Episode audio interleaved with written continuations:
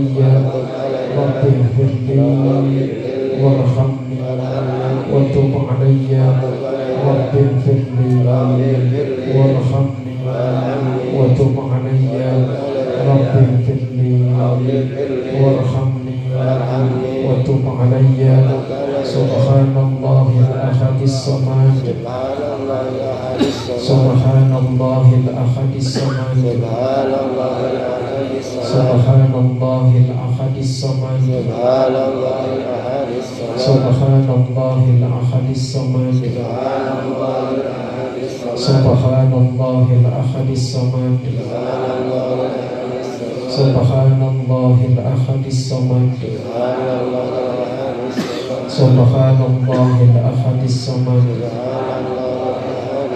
سبحان الله الأحد الصمد. سبحان الله الأحد الصمد. سبحان الله الأحد الصمد. سبحان الله الأحد الصمد سبحان الله الأحد الصمد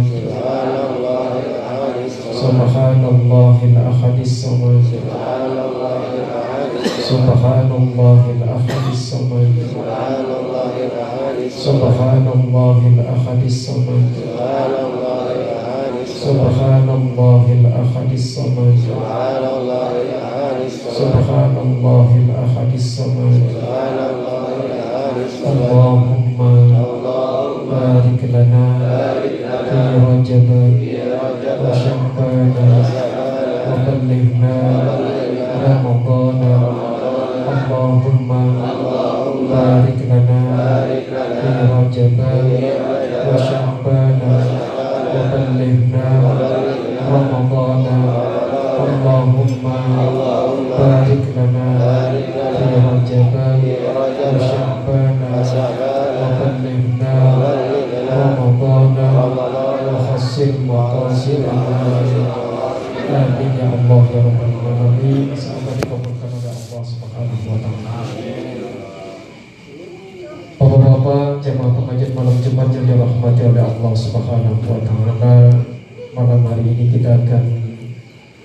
kitab Fathul Mu'in yang ditulis oleh Syekh Zainuddin bin Abdul Aziz Al-Bari. Tapi sebelum itu mari kita bacakan surat Al-Fatihah. Semoga penulis kita Fathul Mu'in diberikan tempat yang biyadi ya Allah subhanahu wa ta'ala خصوصا إلى حضرة المؤلف هذا الكتاب الشاذل بن عبد العزيز المدداري ببركة من قرآن له الفاتحة أعوذ بالله من الشيطان الرجيم بسم الله الرحمن الرحيم الحمد لله رب العالمين الرحمن الرحيم مالك يوم الدين إياك نعبد وإياك نستعين اهدنا الصراط المستقيم صراط الذين أنعمت عليهم غير المغضوب عليهم ولا الضالين آمين يا الله يا رب Amin. Semoga dikabulkan oleh Allah Subhanahu wa taala. Bismillahirrahmanirrahim. Faslun fi ala 'alal mayyit. Pasal yang akan kita bahas pada kesempatan malam hari ini adalah pasal tentang sholat mayit. Apa Pak? Sholat mayit. Kenapa malam hari ini saya bahas sholat mayit? Karena sering melihat, juga menyaksikan, juga mengalami. Ada banyak di antara saudara kita yang dipanggil oleh Allah Subhanahu wa taala. Kalau misalkan pas semua ustadznya lagi pada sibuk Kemudian tidak ada seorang pun yang tahu yang bisa menyolatkan mayit kan bisa bahaya. Makanya malam hari ini saya ajarkan dengan harapan mudah-mudahan semua jamaah paham dan mengerti Kemudian nanti mampu mengamalkan sholat mayit dalam kehidupan sehari-hari. Kalau ada saudara kita yang meninggal dunia sudah nggak bingung lagi karena bisa menjalankan sholat mayit dengan baik sesuai dengan tuntunan Rasulullah Muhammad SAW.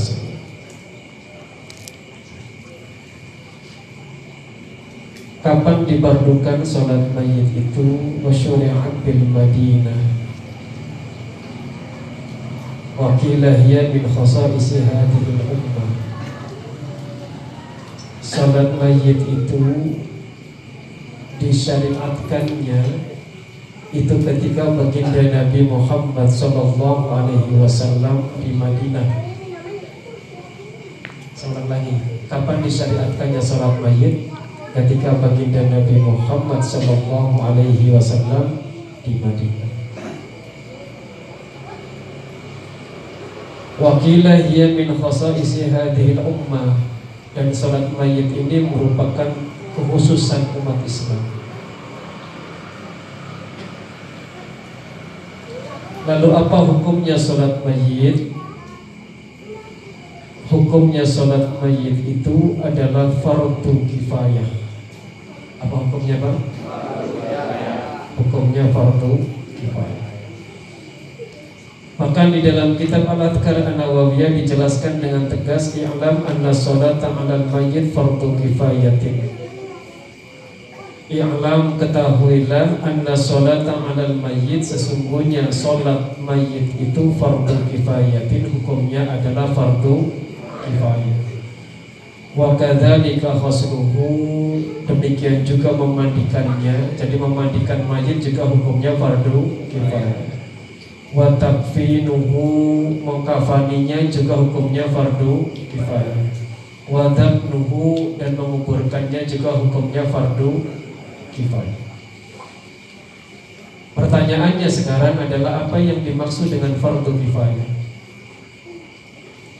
Fardu kifayah itu artinya fardu yang kalau sudah dilakukan oleh sekelompok orang maka yang lain gugur kewajibannya tetapi ketika tidak ada seorang pun yang melakukannya Maka semuanya berdosa. Saya ulang lagi Apa itu fardu kifayah? Fardu yang kalau sudah dilakukan oleh sekelompok orang Yang lain gugur kewajiban. Tapi kalau tidak ada yang melakukannya Maka semuanya berdosa. Misalnya di kampung berkat Ada yang meninggal dunia Terus sudah ada yang nyolatin ada perwakilannya yang nyolati maka orang sekampung berkat yang lainnya yang tidak nyolati nggak punya kewajiban lagi tetapi ketika kemudian ada yang meninggal dunia di kampung berkat tidak ada seorang pun yang nyolati maka seluruhnya berdosa itu namanya fardu kifayah. Jadi apa hukum sholat mayit? Yang kompak apa hukum sholat mayit? Apa hukum memandikan mayit? Apa hukum mengkafani mayit? Apa hukum menguburkan mayit? Apa artinya fardu kifayah? Fardu yang kalau sudah dilakukan oleh sekelompok orang yang lain gugur kewajiban. Tapi kalau tidak ada yang melakukannya maka semuanya harus. Kapan disyariatkannya oleh Allah kepada umat Nabi Muhammad? Ketika Nabi Muhammad Shallallahu Alaihi Wasallam berada di Madinah. Dan ini merupakan kekhususan umat Islam. Jadi kalau umat Islam itu ada yang meninggal dunia maka dimandikan, disolati, dikafani dan dikuburkan. Tapi umat di luar Islam tidak seperti itu. Makanya disebutnya sebagai wakilahiyah min isi hadhihi Jadi salat mayit ini merupakan kekhususan bagi umat Islam. Nah ada berapa rukunnya? Ini penting.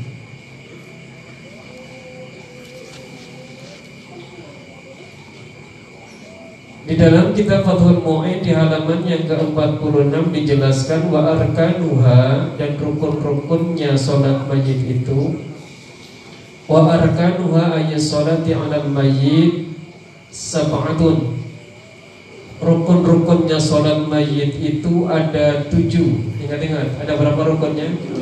Tujuh. Iya sampai diapa nih Wa arkanuha ayat salati alal mayyiti sab'atun Ahaduha yang pertama adalah niyatun. Yang pertama adalah niat Yang pertama apa Pak? Niat Bagaimana niatnya? Kalau mayatnya laki-laki, mayatnya laki-laki, niatnya gini Usolli ala hadal mayyiti Ikuti saya Usolli ala hadal mayyiti Tiga kali Lagi berapa? Lagi Apa? Tambah yang kedua Arba'at takbirati Arba'at takbirati Gabung dari pertama sampai kedua. Arba'at Fardal kifayati Fardal kifayati Fardal kifayati Fardal kifayati Kampung dari satu sampai tiga. Usalli ala hadal mayyiti arba'at takbirati fardal kifayati Yuk ulang belum kompak Satu usalli ala hadal mayyiti Yang kedua arba'at takbirati Tiga fardal kifayati.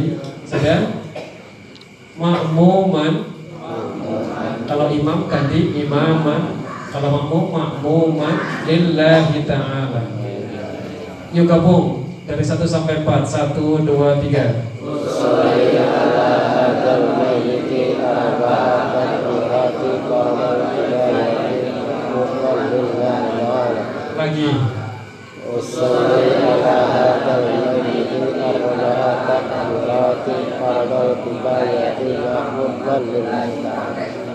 apa Pak? Kalau mayatnya perempuan, mayatnya perempuan, niatnya hadanya ganti hadihi. Usolli ala hadihil mayyitati. Usolli ala hadihil mayyitati. Arba'a takbirati. Arba'a takbirati. Fardal kifayati. Fardal kifayati. Ma'muman. Ma'muman. Lillahi ta'ala. Yuk, Pak, niat untuk mayit laki-laki.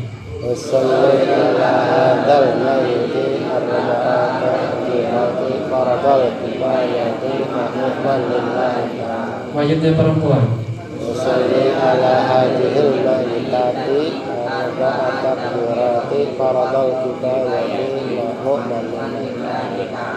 Jadi rukun yang pertama adalah niat. Rukun yang pertama adalah niat. Apa itu niat? Niat itu maknanya qasdu syai'in muqtaranan bi fi'lihi. Menyengaja sesuatu yang diwujudkan atau dibuktikan dengan mengerjakannya. Niatnya tadi sudah dibaca oleh Bapak semua. Apakah kita harus menyebutkan nama mayitnya? Enggak usah. Cukup dengan usolli ala hadal mayyit. Kalau mau sebutin pun nggak jadi masalah, tapi tidak menjadi kewajiban. Yang penting sudah usolli ala hadal mayyiti arba'at takbirati fardal kifayati makmuman Seorang lagi Pak, ada berapa rukun sholat mayit? Apa yang pertama? Niat. Tempatnya di dalam hati. Tempatnya di mana Pak? Di dalam hati.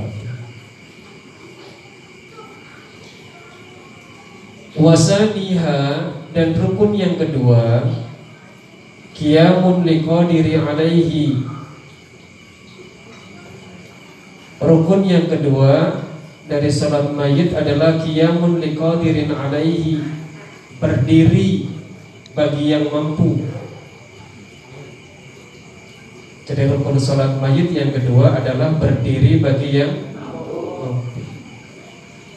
Bagaimana kalau dia lemah? Fala ajizu yaqudu. Kalau dia lemah maka boleh dengan duduk. Kalau dia lemah nggak bisa berdiri. Tetapi kalau dia bisa berdiri wajib berdiri karena berdiri dalam sholat mayit merupakan rukun sholat.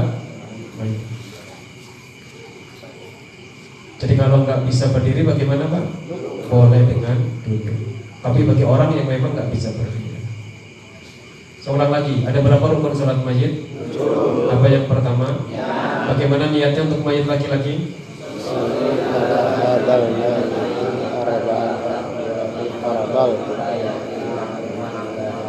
Bagaimana niatnya untuk mayit perempuan?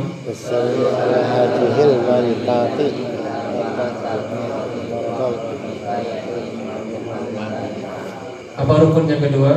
Berdiri. Berdiri bagi yang mampu. Bagaimana kalau nggak bisa berdiri? Boleh dengan duduk. Wasa disuha dan rukun yang ketiga arba'u takbiratin empat kali takbir ma'a takbiratit taharrum jadi empat kali takbir itu termasuk di dalamnya adalah takbir taharrum, takbiratul ihram. Jadi rukun yang ketiga apa Pak? Empat kali.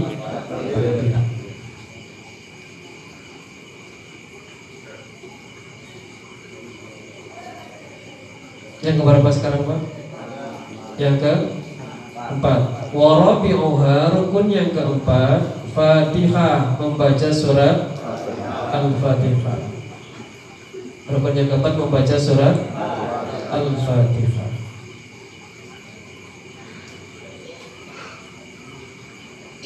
Apa enggak Pak? Diulang dari pertama. Ada berapa rukun salat mayit? Sampai diapalin apa yang pertama? Iya. Yang kedua? Berdiri bagi yang mampu. Kalau nggak mampu berdiri, boleh dengan duduk. Rukun yang ketiga? Empat kali takbir. Rukun yang keempat? Membaca surat Al-Fatihah. Wa khamisuha dan rukun yang kelima salatu ala nabi sallallahu alaihi wasallam ba'da takbiratis saniyah. Membaca salawat kepada baginda Nabi Muhammad sallallahu alaihi wasallam ba'da takbiratis saniyah setelah takbir yang kedua. Jadi membaca salawat kepada baginda Nabi merupakan rukun dalam salat mayit dibacanya setelah takbir yang kedua Sekurang-kurangnya Allahumma salli ala Sayyidina Muhammad wa ala ali Sayyidina Muhammad.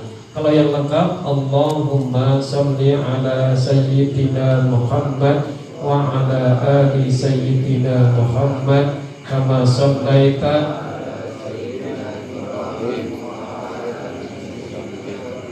wa barik ala ali kama barakta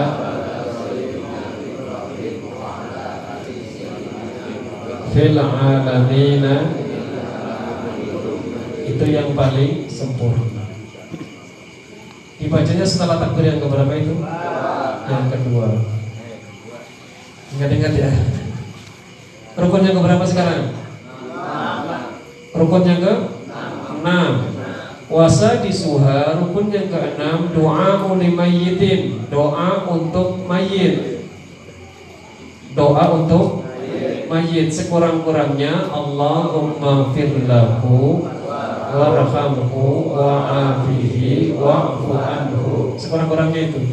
Kalau perempuan Allahumma firlaha warhamha wa'afiha wa'fu anha sekurang kurang kalau yang panjang Allahumma firlahu warhamhu wa'afihi wa'fu anhu wa akrim nusulahu wa wasi' madkhalahu waghsilhu bil ma'i wasalji wal baradi wa nakkihi minal khataya kama yunaqqa sawbul abyadu minad danas darihi wa ahlan khairan min ahlihi wa zawjan khairan min zawjihi wa bihi fitnatul qabri wa adab sekurang-kurangnya sepanjang-panjangnya yang paling panjang itu. Tapi kalau bapak aduh panjang banget Pak Ustaz. Baca Allahumma fillahu warhamhu wa'afihi wa kalau mayatnya perempuan Fatiha wa'fu anha itu rukun yang keberapa Pak? Rukun yang ke enam. Dan rukun dan itu dibaca doa lima yitin itu dibacanya ba'da salisa setelah takbir yang ketiga. Setelah takbir yang ke doa untuk mayit. Dan rukun yang ketujuh wasabi'uha salamun. Rukun yang ketujuh adalah salam. Rukun yang ketujuh adalah salam. Jadi doa untuk keluarga mayit bukan rukun, karenanya sunnah. Yang rukun yang tadi saya sebutkan, seorang lagi ada berapa rukun sholat mayit? Satu, niat. Dua, berdiri bagi yang mampu. Terus tiga, berdiri bagi yang mampu. Empat, baca surat al-fatihah. Lima, baca salawat kepada Nabi setelah setelah takbir yang kedua. Enam. Mendoakan mayit setelah takbir yang ketiga. Yang ke tujuh salam. Paham ya Pak? Kita harus tahu. Ya tanpa tanpa nggak catatan. Hadap sini. Ada berapa rukun mayit? Satu. Iya. Bagaimana niatnya? kencengin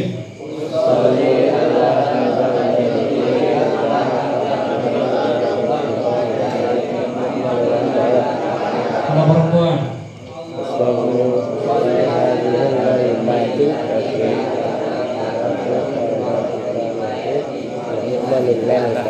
Rukun yang kedua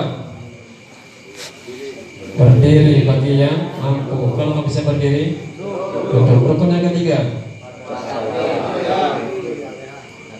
Rukun yang ketiga Takbir empat kali takbir Rukun yang keempat Membaca surat Al-Fatihah Rukun yang kelima Baca salat Nabi setelah Takbir yang kedua Rukun yang keenam Mendoakan mayit setelah Rukun yang ketujuh Salam Baik biar enggak bingung praktek Berdiri Pak satu orang jadi imam aja Pak berdiri sini Pak. Jadi tiga sok. Iya, silakan ada ada ke sana, ada ke kita. Ayo berdiri semuanya biar. Biar biar langsung praktek. Jadi kalau dipraktekin jadi jadi paham, jadi jelas. Ya. Sudah Pak? Usahakan kalau nyolatin wajib jadi berapa saw? Tiga saw. Usahakan tiga saw. Ya, biasakan tiga saw. Biar terbiasa.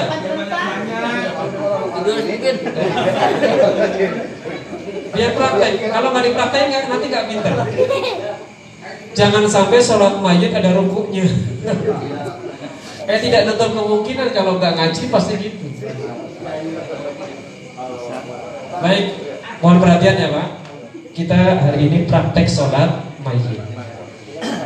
Kalau mayitnya laki-laki, mau diperhatikan, maka sunnahnya saat imam itu berada di kepalanya.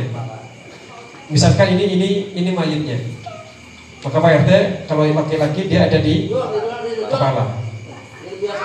Jadi yang di belakang, yang di belakang nggak usah nanya. Kalau posisi imam sudah langsung berada di kepala si mayit, ini tandanya bahwa mayitnya adalah laki. Maka niatnya langsung pakai niat untuk laki-laki. Ini kode namanya. Kemudian kalau mayitnya perempuan, sunahnya saat imam langsung ke tengah di, di perutnya. Nah di situ. Ketika posisi imam ada di tengah, ini si makmum harus paham bahwa mayit ini berarti perempuan maka niatnya langsung niat untuk mayit perempuan. Paham ya? Jadi biar biar tahu kodenya. Sekarang kita tanya Pak RT ke sana, ke sana dulu. Terus RT yang tadi saya sebutkan langsung maju aja. Mau ngambil posisi mana? Berarti apa mayitnya? Mayitnya apa? Tahu dari mana? Posisinya langsung di kepala. Satu lagi biar paham. Baik, jalan lagi kemari. Lihat, lihat, lihat sang imam. Pokoknya harus lihat imam. Di mana posisi imam? Berarti mayatnya perempuan. Jadi nggak usah ditanya lagi mayatnya apa ini, nggak usah gitu Berarti sudah tahu ini mayatnya perempuan. Nah sekarang kita laki-laki sebelah sini berarti. Dah berarti mayatnya nanti bacaannya dalam prakteknya disirkan. Dalam prakteknya disirkan. Tapi karena kita lagi latihan sekarang dijaharkan. Dikeraskan karena kita lagi latihan. Tapi dalam praktek aslinya jangan dikencengin. Disirkan. Yuk kencengin sekarang. Niat untuk maju lagi-lagi Yuk satu, dua, tiga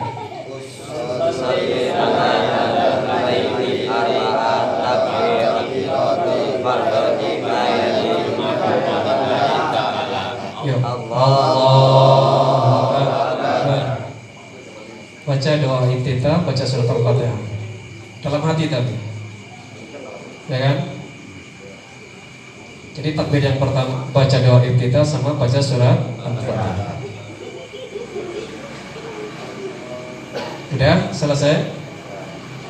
Atau biar enak kencengin aja. Ayo kencengin. Yang sekurang-kurangnya Al-Fatihah coba. Saya pengen dengar. Bismillahirrahmanirrahim. الحمد لله رب العالمين. الرحمن الرحيم. مالك يوم الدين. إياك نعبد وإياك نستعين. اهدنا الصراط المستقيم. صراط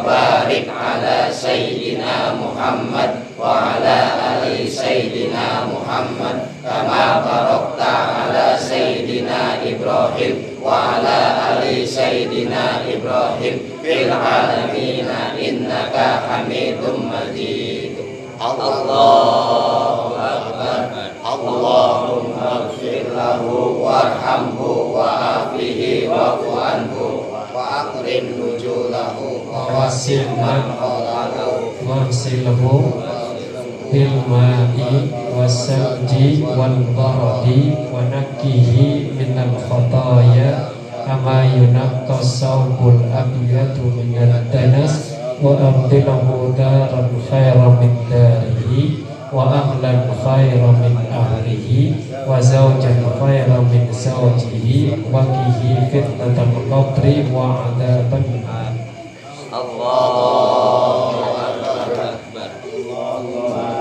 Allahumma la tahrimna ajrahu wa la taftinna ba'dahu waghfir lana wa lahu wa li ikhwanina alladziina sabaquna bil iman wa la taj'al fi kurubina illa lilladziina amanu rabbana innaka ra'ufur rahim. Salam.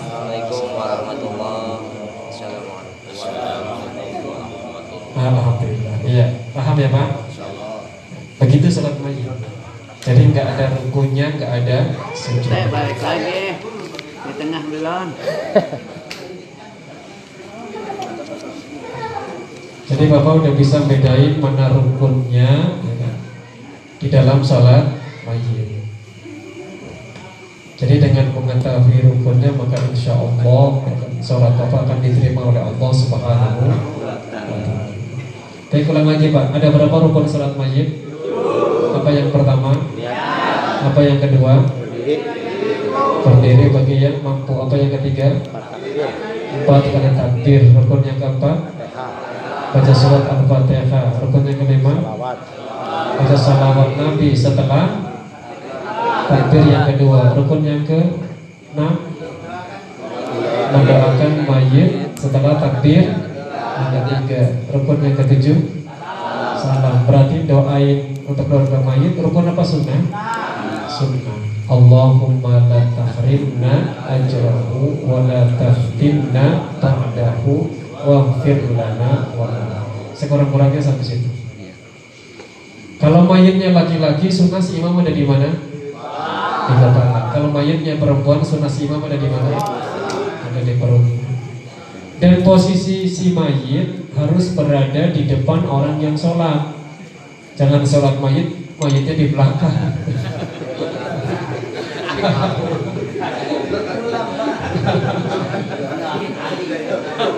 Jadi mayitnya ada di mana pak?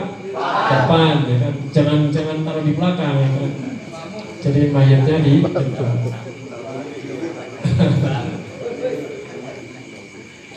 Paham ya pak? Nah kalau mayitnya anak kecil, nih mayitnya anak kecil pak, ya kan? bapak niatnya gini, usolli ikuti saya, ala hadal mayyitin. Tifli. Arba'a. Rakaatin eh arba'a takbiratin. Fardhan kifayatin. Ma'muman. Jadi usolli ala hadal mayyit ganti. Usolli ala hadal mayyitin tifli. Lagi. Usolli ala hadal mayyitin tifli. Ulang. Usolli ala hadal mayyitin tifli. Itu nggak apa-apa terus bacanya jangan Allahumma firlahu warhamhu wa'afihi wa'afaru karena anak kecil kok belum punya dosa. Karena anak kecil itu belum punya dosa. Maka cukup baca Allahumma ja'alhu ikuti saya. Farata li abawaihi. Sekarang-orangnya itu Allahumma ja'alhu farata li abawaihi coba bunyi bersama-sama.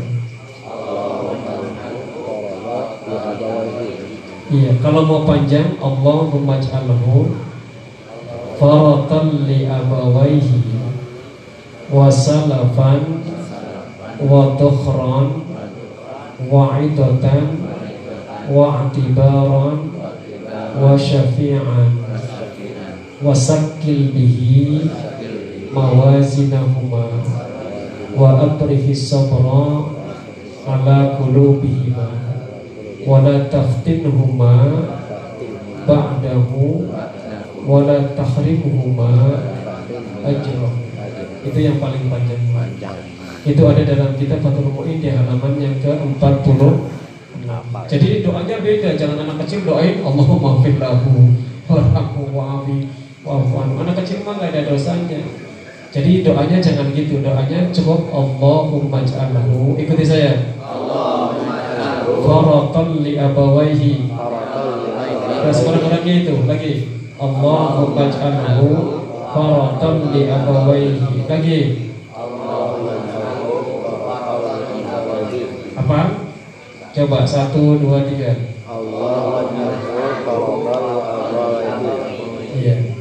Kalau nanti mau panjang doanya Nanti saya tuliskan Nanti Bapak tinggal ngapalin ya Pak. Kopi apalin. Baik, sampingnya ada yang mau bertanya silakan. wajib nggak dan terkudu itu kan doa sunnah iya. Kadang-kadang kita tinggal kader berdoa di luar bahasa Indonesia ya Allah ampun almarhum ya Allah ampun almarhum. Iya Karena sholat mayit itu itibah Rasulullah mengikuti Rasulullah Muhammad Sallallahu Alaihi Wasallam, makanya ngikuti apa yang dilakukan oleh baginda Nabi Muhammad. Baginda Nabi Muhammad ngajarin doanya Allahumma fillahu warhamhu wa'afihi wa'afu Maka kita pun bacanya seperti itu. Terkecuali kita memang belum pernah belajar Bapak belum bisa lain ceritanya Makanya kalau fungsinya ngaji seperti ini adalah untuk belajar biar ibadah kita semakin sempurna. Jadi tambah sempurna. Kalau misalkan nggak bisa sekali ya kan harus belajar, ya pak harus belajar. Jadi ikutin kepada baginda Nabi Muhammad karena baginda Nabi kan bersabda Sallu kama ra'aitumuni Salatlah kamu sebagaimana kamu melihat aku salat baik dalam sholat fardu maupun dalam sholat sunnah. Baik fardu ain maupun dalam fardu dan Nabi Muhammad sholatnya ya seperti yang diajarkan oleh baginda Nabi dijelaskan dalam kitab fikih. Andai kan gak ada kitab fikih seperti Fathul Mu'in kita gak akan tahu bagaimana sholatnya baginda Nabi. Bagusnya kita punya kitab Fathul Mu'in punya kitab Takrim punya kitab Safina punya kitab Muhaddab punya kitab Kifayatul Ahyar punya kitab yang Anatul Talibin yang menjelaskan bagaimana sholatnya baginda Nabi Muhammad tanpa kita fikih nggak akan pernah bisa orang sholat persis kayak baginda Nabi Muhammad kalau orang belajar sholat cuma lewat hadis nggak akan pernah sempurna. Nggak akan pernah bisa sempurna. Saya jamin saya pun bisanya karena belajar ilmu fikih kemudian dibimbing oleh guru memang silsilahnya nggak putus dengan Rasulullah Muhammad Sallallahu Alaihi Wasallam. Makanya ini nggak boleh diremehkan. Kita harus bersyukur kepada salah satunya Asyasinuddin bin Abdul Aziz bin Sayyidin Al-Malibari karena telah memberikan rujukan panduan dalam ibadah kepada Allah Subhanahu wa taala. Ini ulama hebat. Baik ada yang lain silakan. Ya Pak. Assalamualaikum warahmatullahi wabarakatuh. Waalaikumsalam.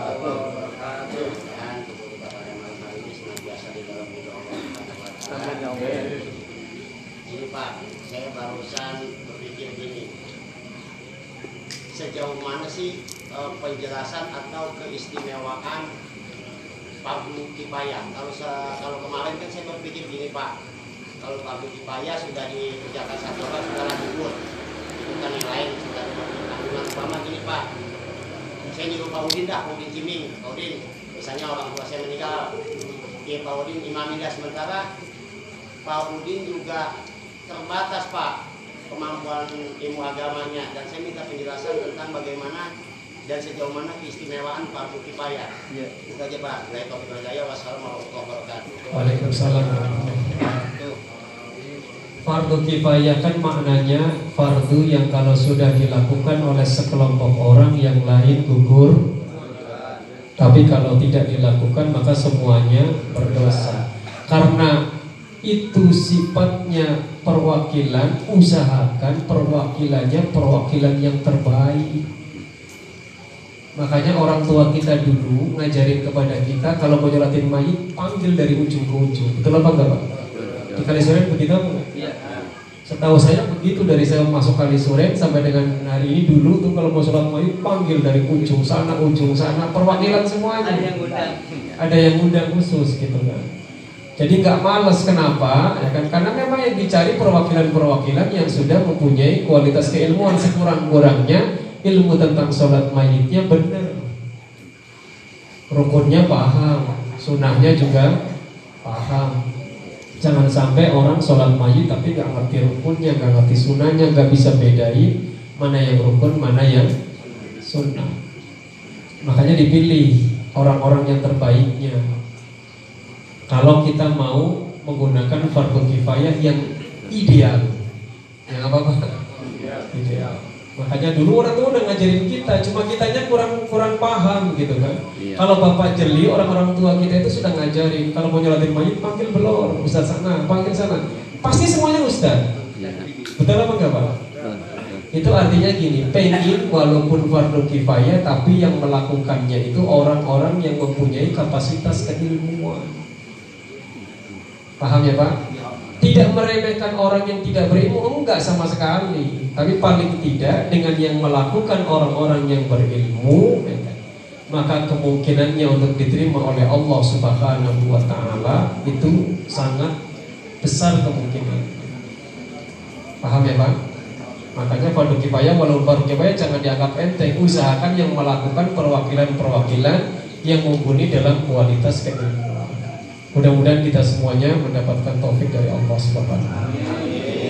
Baik ada yang lain silakan. Kalau siapa dulu? Ini dulu. Karena masalah orang meninggal kalau saya bicara sekaratul maut kan banyak tradisi di kampung kita dibacain yasin terus ada yang bimbing tahlil la ilaha illallah tapi sambil teriak-teriak gitu ya Ustaz. Iya. Dia kan mungkin karena kepanikan ke keluarga.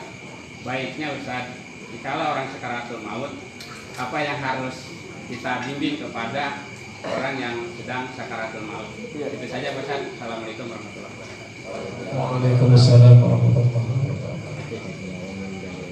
Nabi Muhammad SAW menjelaskan kepada kita di dalam hadisnya yang diterangkan dalam kitab Irsyadul Ibad ila Sabilir Rasyad. Iqra'u ala mautakum yasin. Iqra'u baca oleh kalian ala mautakum untuk orang yang akan mati Yasin surat Yasin. Karena surat Yasin itu salah satu fungsinya mempermudah ruh yang sudah nempel melekat di jasmani kita. Jadi dengan dibacakan Yasin itu ruhnya pelan-pelan dilepaskan. Sehingga begitu dilepaskan, maka ketika ruh itu lepas nggak akan merasakan sakit.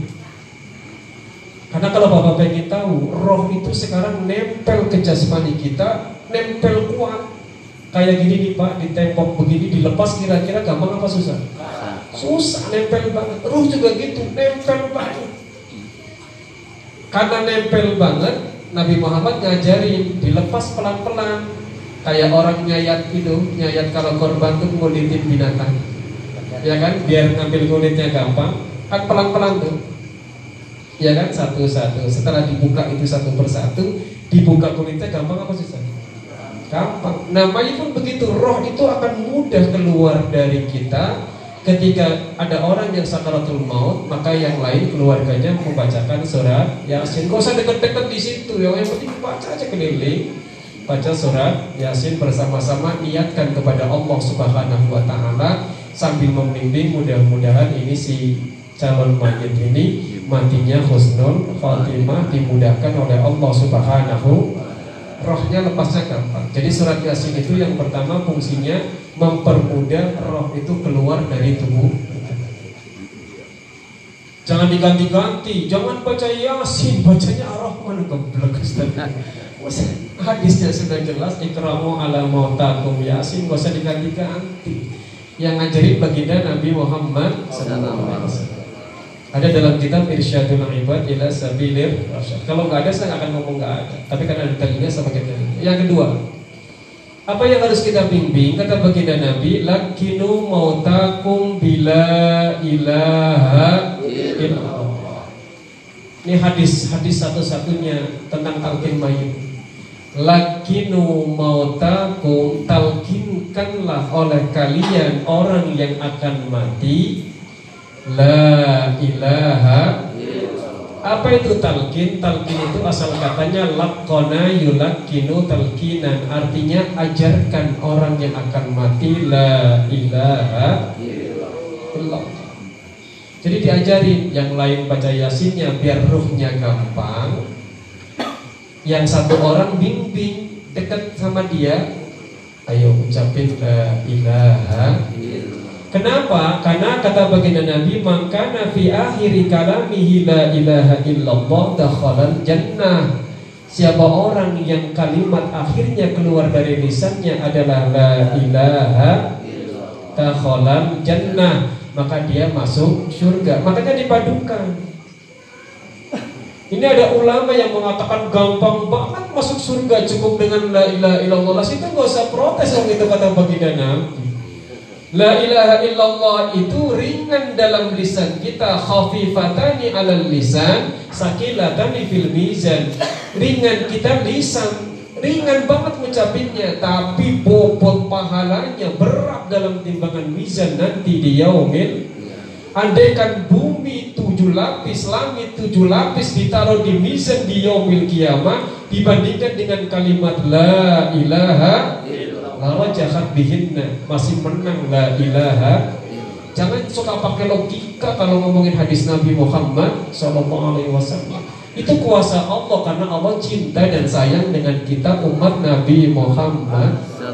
Makanya ucapin itu La ilaha. Coba yang ikhlas Ini kalimat luar biasa Pak. Bayangin sama Bapak. Bapak ngucapin la ilaha illallah Walaupun lidahnya nggak gerak bisa diucapin. La ilaha nggak nggak nempel nih bibir satu dengan bibir atas Bisa ngucapin itu. La ilaha illallah. Walaupun nggak nempel. Tapi coba Allahu Akbar. Tuh ada nempelnya. La ilaha nggak usah nempel bisa. Gampang banget diucapkannya Gampang banget diucapkan. Makanya kalau Bapak terbiasa mengucapin kalimat ini, maka insya Allah matinya pun pasti mengucapin kalimat ini. Kok berani begitu Ustaz? Iya, karena kata baginda Nabi, ya mutul mar'u ala ma'asya alaihi Seorang itu akan mati sesuai dengan kebiasaannya Kalau dia biasa dikir la ilaha illallah Matinya pasti lagi la ilaha illallah Coba buktiin omongan saya, nggak mungkin nggak pasti itu mau karena saya yakin banget dengan apa yang diajarkan oleh Allah dan Rasulullah Muhammad Gak pernah ada keraguan sedikit pun dalam hati saya. Kalau ada rujukan Quran dan hadisnya Pasti sama. Paham ya Pak? Jadi nggak usah lagi direka-reka. Jadi bagaimana membimbingnya? Satu Keluarga yang lainnya kumpul suruh baca surat Yasin Untuk mempermudah lepasnya roh Dari jasad kita yang satu orang bimbing agar mengajarkan kalimat la ilaha dengan harapan kalau keluar kalimat dari lisannya la ilaha illallah dakhalal dia akan masuk surga.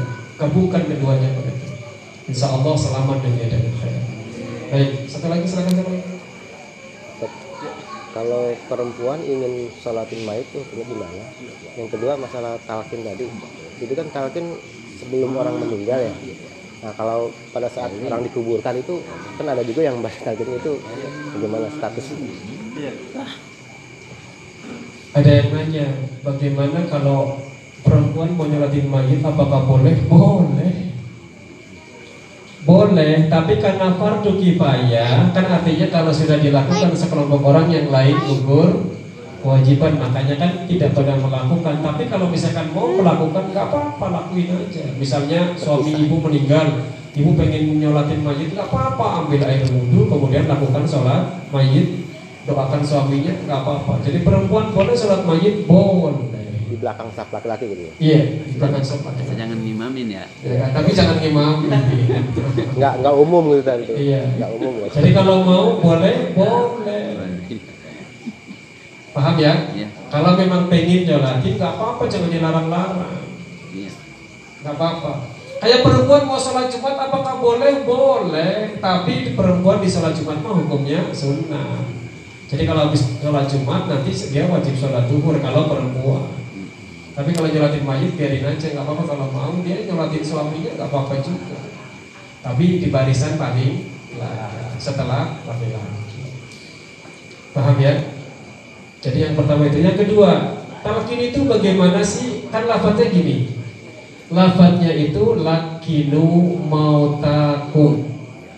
Lakinu talqinkan oleh kalian mautakum. Mauta itu maknanya banyak, nggak cuma satu. Makna yang pertama, Mauta itu artinya orang yang akan mati. Jadi ingat-ingat nih. Jadi makna pertama mauta itu apa? Orang yang akan. Bapak mau mati nggak? Akan mati apa enggak? Akan mati apa enggak? Tahu nggak kapan matinya? Jadi talqin paling bagusnya ketika sehat begini. Talqin paling bagus tuh ketika sehat begini. Jadi mau takut tuh makna pertama orang yang akan dan kita semua pasti akan. Jadi talqin paling bagus kapan? Sekarang la ilaha dibaca terus sebanyak-banyaknya. Itu lafaz mauta yang pertama. Lafaz mauta makna yang kedua artinya adalah orang yang hampir mati. Jadi mauta itu makna yang kedua adalah orang yang hampir mati.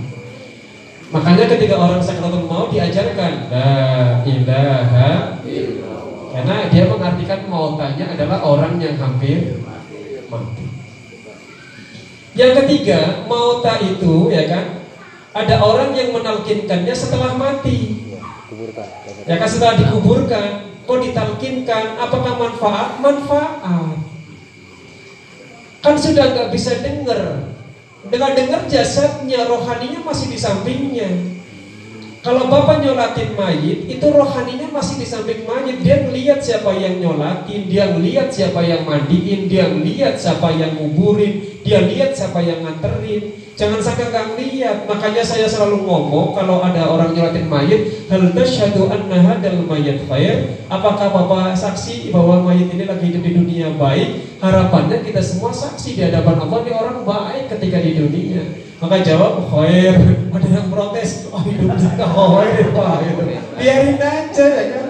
Ya mudah-mudahan jadi khair gitu kan. Walaupun aslinya gak khair gitu kan.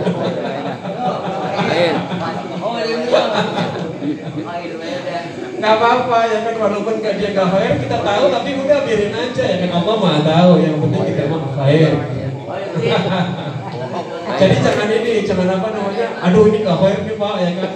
Ngomong aja khair. Jadi mudah-mudahan, mudah-mudahan orang jadi orang